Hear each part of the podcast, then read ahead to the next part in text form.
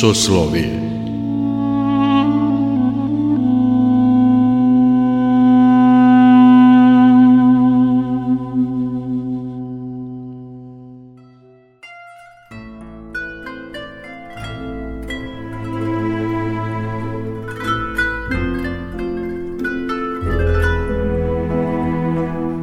Dobroveče, slušate Soslovije, religijski nedeljnik Radio Novog Sada. Ja sam Mirjana Ranković.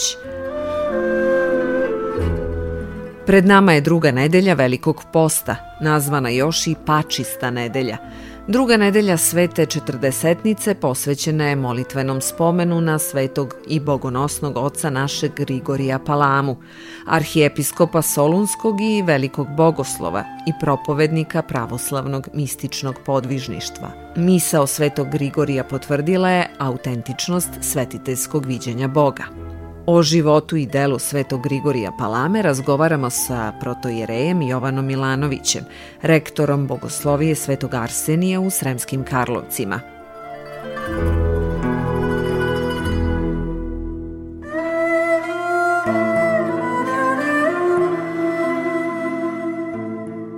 Čemu nas uči ova druga nedelja časnog posta i ko je bio Sveti Grigorije Palama?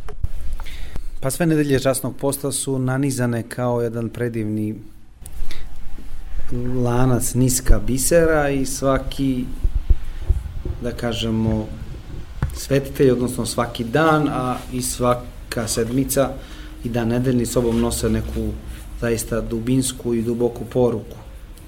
I ova druga sedmica je časnog posta u narodu prozvana pačistom, što znači da dolazi po čistoj, ona u tom nekom smislu nema nikakve specifičnosti kad je u pitanju način posla, dakle nastavljamo istim intenzitetom, sa namerom i željom da se pomirimo sa sobom, sa bližnjima i sa Bogom, želeći da na tom putu dostignemo i vaskrsenje.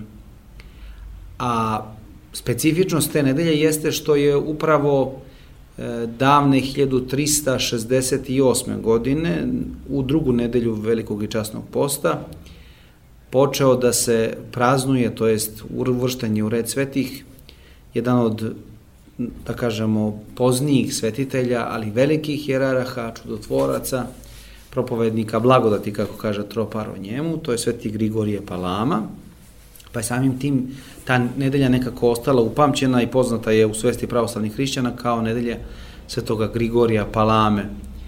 Svetitelj jedan uh, vrlo interesantan i za nas Srbe osobito i značajan. 1296. godine rođen je u Carigradu od blagočesnih roditelja, oca Konstantina i odrastao na dvoru, pošto je otac njegov bio e, nešto što bismo mogli nazvati kancelarom ili kao predsednikom vlade.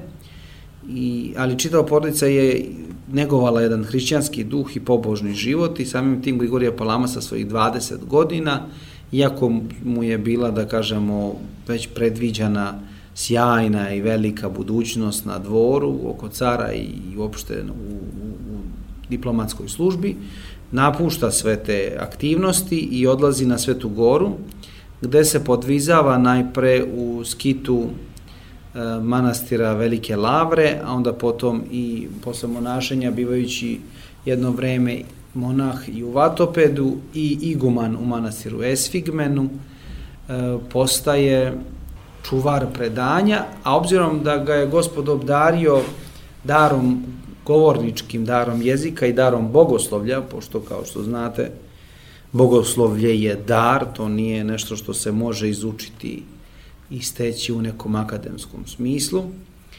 Sveti Grigorija Palama, obzirom da dolazi do jednog, da kažemo, bogoslovskog spora, koji zapravo u svojoj biti nije ništa dugo nego produženje nerazumevanja koje je već postojalo između istočnog i zapadnog hrišćanstva, da se podsjetimo ovaj sve period posle velikog raskola.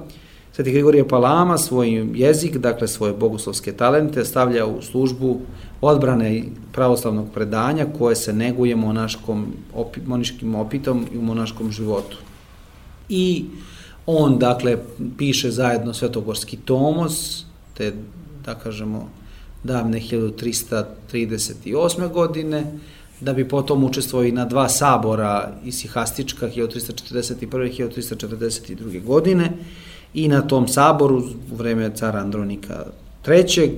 pravoslavno predanje monaškog opita i iskustva je, da kažemo, dobilo svoju satisfakciju, odnosno bilo je potvrđeno i to živo predanje molitve Bogu, učestvovanje u božanskim blagodatnim energijama, odnosno blagodati Božje, u svetlosti božanskoj, postalo je sastavni deo bogoslova. Naravno, Sveti Grigorije Palama kao ni jedan čovek, pa ni sam, jeli, nije mogao tako jednostavno da završi i da pobedu naprosto kruniše sa tim odlukama sabora, nego je naravno posle 42. kad se car Andronik III. upokojio, njegov život nastavljen kao život mučenika, odnosno zatvorenika.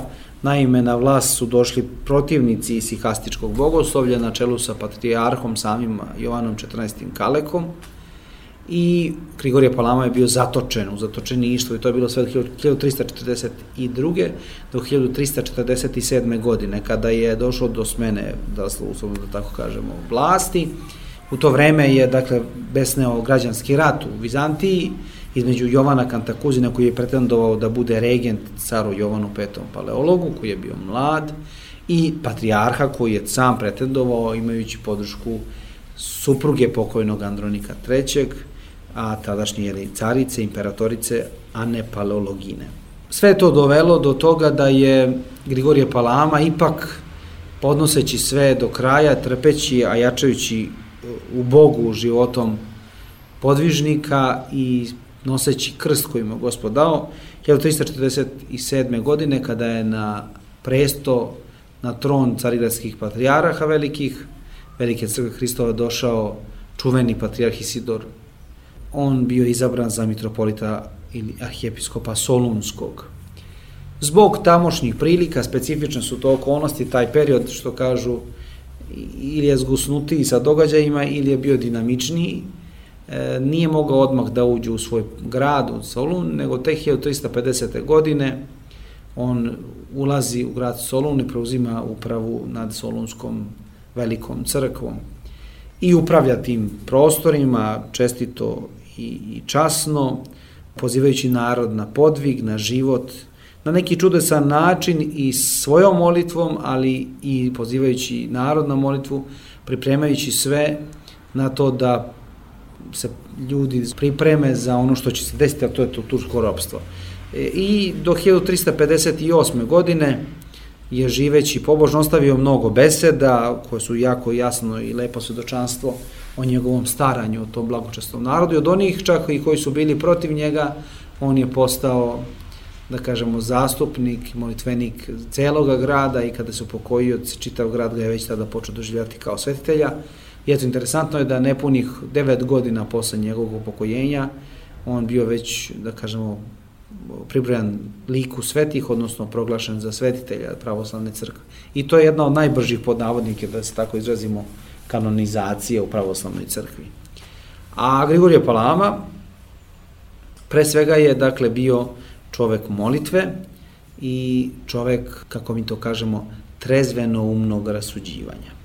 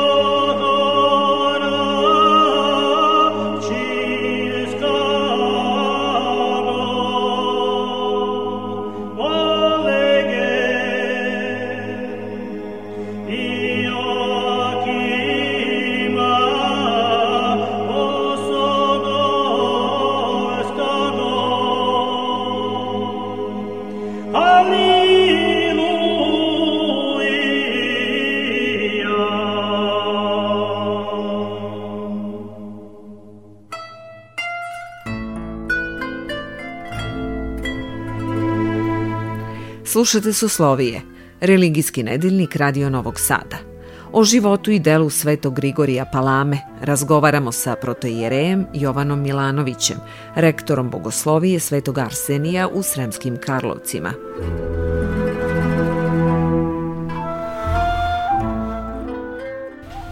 Tokom ovog časnog posta učimo se i molitvi i prihvatanju volje Božije i na neki način pruža nam se prilika i da menjamo svoj karakter uz Božju pomoć. Jer jedino na taj način možemo pomoći sebi, prihvatajući volju Božju. E sad, kako prihvatiti volju Božju?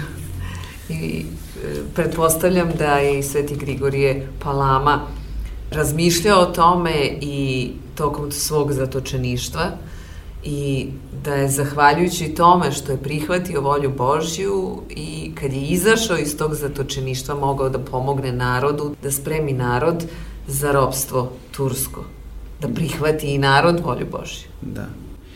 Pa jeste, ovaj, pre svega Grigorije Palama se nije toliko realno bavio tim, što bismo mi danas rekli, strateškim, niti geopolitičkim, niti tim nekim uh, političkim tokovima i dešavanjima, koliko god da je to u istoriji interesantno da su ga za to optuživali, mi realno nemamo sudočanstva ni u njegovim spisima. Vidi se čak recimo i u pismima koja je pisao, koja je ostavio, ostavio iza sebe, dakle koja se dočeo o njegovom životu, da on u suštini nekako uvek insistira na tome da se nepatvoreno i nesmetano vrši volja Božja, a da volja Božja nije u, u kontekstu uvek onoga što mi mislimo da je najbolje, nego da je volja Božja zapravo malo drugačija, jer ja bi to plastično objasnio, mi mislimo iz svoje perspektive, a Bog misli iz perspektive sada milijardi ljudi, tako da to nije ista, nije ista logika.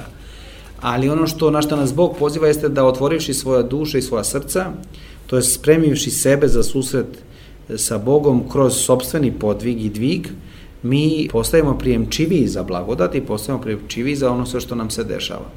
E sad, te nesređene istorijske prilike i okolnosti u kojima je živeo i Sveti Grigorije Palama zaista mnogo podsjećaju na ovo vreme u kom mi danas živimo, tako da to nešto mnogo ne odskače i ne razlikuje se.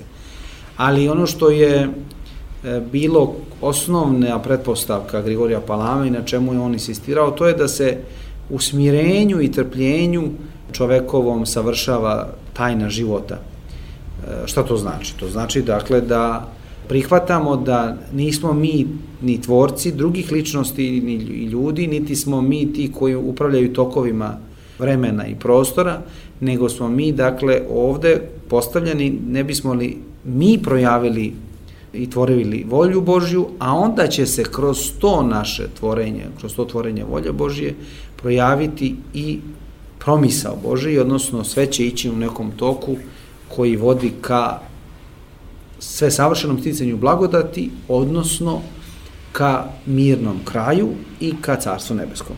Dakle, to je ono što je bitno. E sad, mi kad govorimo iz naših perspektiva, pošto smo mi jako ophrvani gomilom informacija, podataka, vesti, sami smo često e, nekako upućeni te na Facebook, te na ove savremene društvene mreže, onda su tu naravno gomile informacije i vesti koje su najčešće negativne i katastrofalne, sve one nas zapravo odlače od toga da prihvatimo i da shvati, prvo da prihvatimo Božje staranje, pošto nam je nekako nelogično da Božje staranje može biti u zlobi i u muci, a, ili mučenju drugih ljudi, ka, ali s druge strane isto tako da prihvatimo da je odgovor na Božji, Božju ljubav, na Božju blagodat, to da mi u svom životu Dakle, u onom najkonkretnijem smislu živimo hrišćanski. Dakle, da živimo istinito, istinski. Da ne budemo lihvari, lopovi, secike se, ne u tom samo bukvalnom smislu, nego pre svega u onom životnom smislu. Dakle, da ne krademo Bogu dane, da ne dangubimo, da ne zlostavljamo sami sebe i da ne uništavamo lik Boži u sebi. Dakle, to je ono što je jako bitno. Mi najčešće idemo od te pretpostavke da nama drugi smetaju, pošto smo jeli, uglavnom samoživi i sebeljubivi, a ne polazimo od pretpostavke da zapravo to što nam drugi smetaju nije proizvod njihove gordosti i sebeljubivosti, iako bi to tako moglo da bude, nego činjenice da mi nismo prihvatili svoje mesto u svetu i u društvu u kom živimo. A to je totalno drugačiji pogled na svet. Jer jedno je kad vi posmatrate situaciju iz perspektive drugog čoveka, a drugo je kad posmatrate situaciju iz perspektive samih sebe.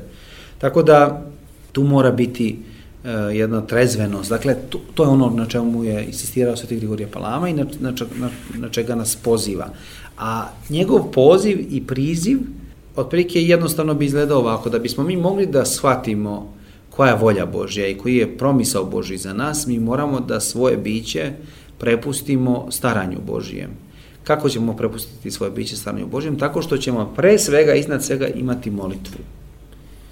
To je prvi i osnovni korak, prvi i osnovni zadatak. Ukoliko bi bilo bilo kako drugačije od toga, ukoliko bismo se mi izdali u neka, neke računđijske aktivnosti, vodeći računa kako bi nama bilo najbolje, onda u tom slučaju mi zaista ne bismo mogli da razumemo i nećemo nikada dostići tu mogućnost da razumemo sebe i druge oko sebe.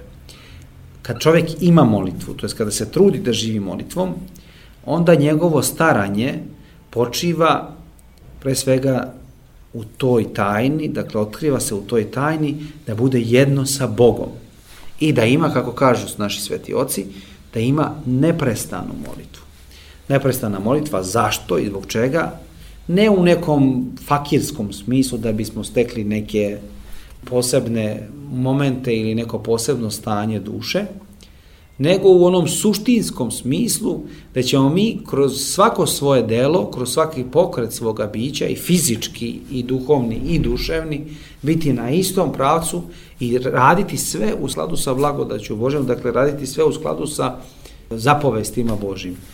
To bi praktično značilo, možda će malo zvučiti čudno ili zvučati čudno ili smešno, ali to bi značilo i o tome lepo govore posebno savremeni starci, da i onog momenta kad pijemo kafu i onog momenta kada ručamo ili večeramo, onog momenta kada fizički nešto prenosimo, radimo, da i tog momenta mi ostvarujemo zajednicu i jedinstvo sa gospodom. To je zapravo taj isihastički, trezvenovni e, vapaj, to je zapravo to iskustvo koje nam je crkva ostavila kroz e, dela i kroz opet i lično i saborno iskustvo Svetog Grigorija Palame. I to je podvig koji svako od nas može da ispuni. Dakle, to ne tiče se samo monaha ili samo onih koji imaju neke posebne uslove za molitvu. Dakle, na kraju krajeva, ono što, što smo spomenuli, samo tako možemo da pripremimo sebe i na gora i veće iskušenja i na gore i na veće izazove. Znate, e, savremena civilizacija zapravo raslabljuje čoveka. Kako to čini? Neko može to sad da kaže da možda govorimo previše utopistički, ali ko, ko bude, kao kaže i Hristos, ko ima uši da čuje, taj će čuti ovo što govorimo. Podrazumeva se da su nam uslovi kvaliteta, uslovi života kvalitetni. Podrazumeva se da imamo, podrazumeva se, dakle sve ono, ne podrazumeva se zapravo da trpimo, da nemamo i sve ostalo. Do onog momenta kad se pojave neke prepreke koje nisu i koje ne mogu da se prevaziđu, u tom momentu dolaze do, do, do raznih anksioznosti, do raznih iskušenja, do raznih muka, strahova, nepotrebnih trauma, psihoza i tako dalje. Protiv svega ovoga, dakle, istinski, dubinski se borio i pokazao kakav je plod te borbe Sveti Grigorije Palama. Dakle, njegova poruka u kontekstu velikog i časnog posta jeste upravo ta da smo mi u postom, ali i svakim svojim podvigom i dvigom, pre svega molitvenim, na putu Božijem i na putu ka vaskrsenju. Znate, veliki i časni post, on naravno da intenzivira naš život, čula, ukuse, mirise, čak malo da banalizujem, kad, kad postimo u nekom momentu, naravno nekima Bog to nekoga oslobodi tih stvari, u nekom momentu bolje osetimo miris neke marsne hrane nego što smo to ranije, ili posle kad već što kaže naša čula se izvežbaju ne osjećamo, ne smeta nam i tako dalje. Dakle, vidimo kako se u postu sve intenzivira. Pa samim tim Ligorija Palama nam kaže treba da se intenzivira i taj duhovni život. Post, podvig, spremnost da druge razumemo i da sebe menjamo i predajemo drugima kao dar, pre svega onom drugom sa velikim D, to je s Bogom.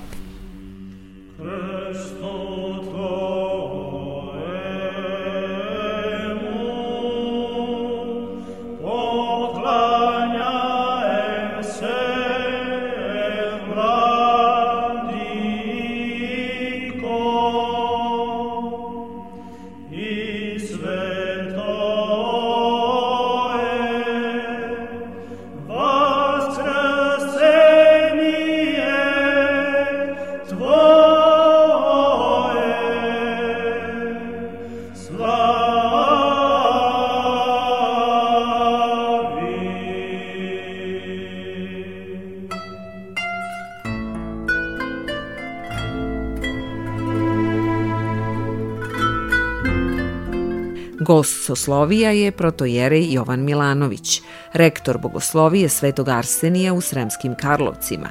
U susred drugoj nedelji Velikog posta razgovaramo o životu i delu Svetog Grigorija Palame.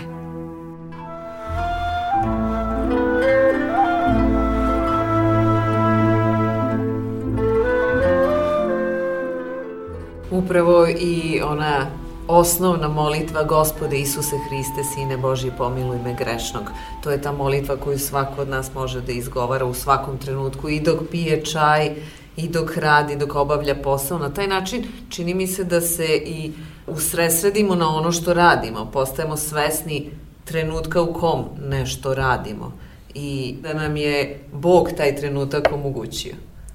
Da, s tim što uh, imamo, ipak moramo da kažem, i da i to naglasim, da se zna da, da i zbog naših slušalaca, da Grigorija Palama zapravo ide, u, on insistira da mi od tog tehničkog momenta, koji tako ne izgleda čini se to ponavljanje te monologne ili Isusove molitve, e, da pređemo zapravo u jedno stanje gde će naš duh sam, da se tako izrazim, i naše celo biće biti u stanju molitve. To znači da će, će ta molitva nekako biti prisutna u našim srcima i našim dušama i onda kada to čini se da misao i usta ne čine, to jest i onog momenta kada možda mi nego izgovaramo tu molitvu, ali kako kaže sveti Grigorije Palama, biće čovekovo se spaja sa tim nepresušnim izvorom božanske blagodati i kao izvor vode iz njega ističe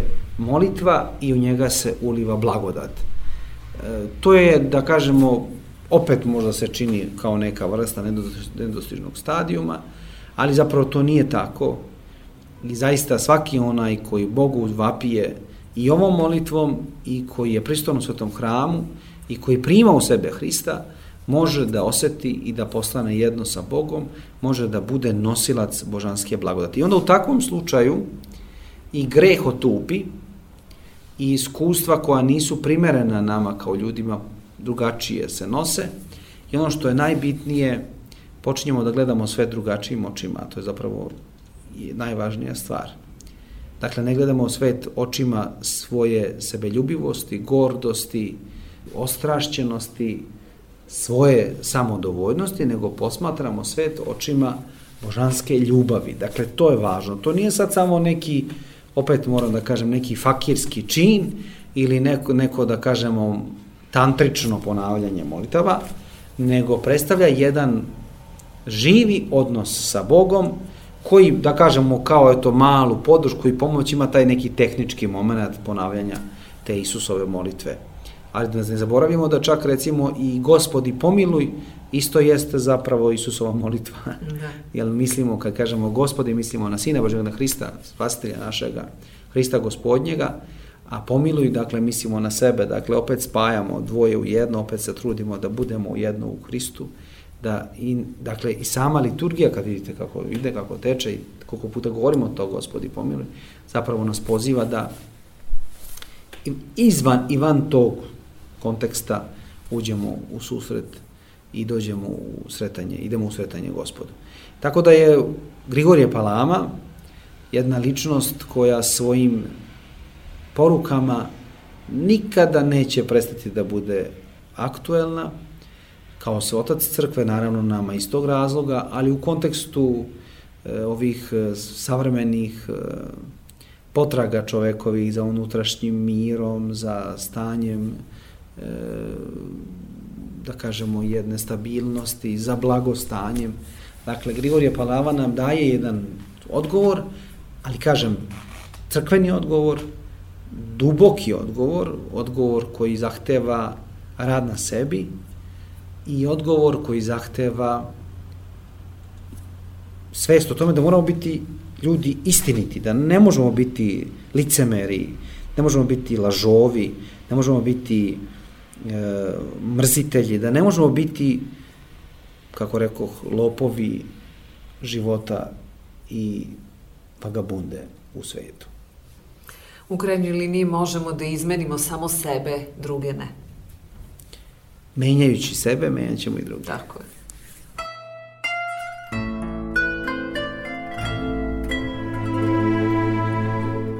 Gost Soslovija bio je protojerej Jovan Milanović, rektor bogoslovije Svetog Arsenija u Sremskim Karlovcima.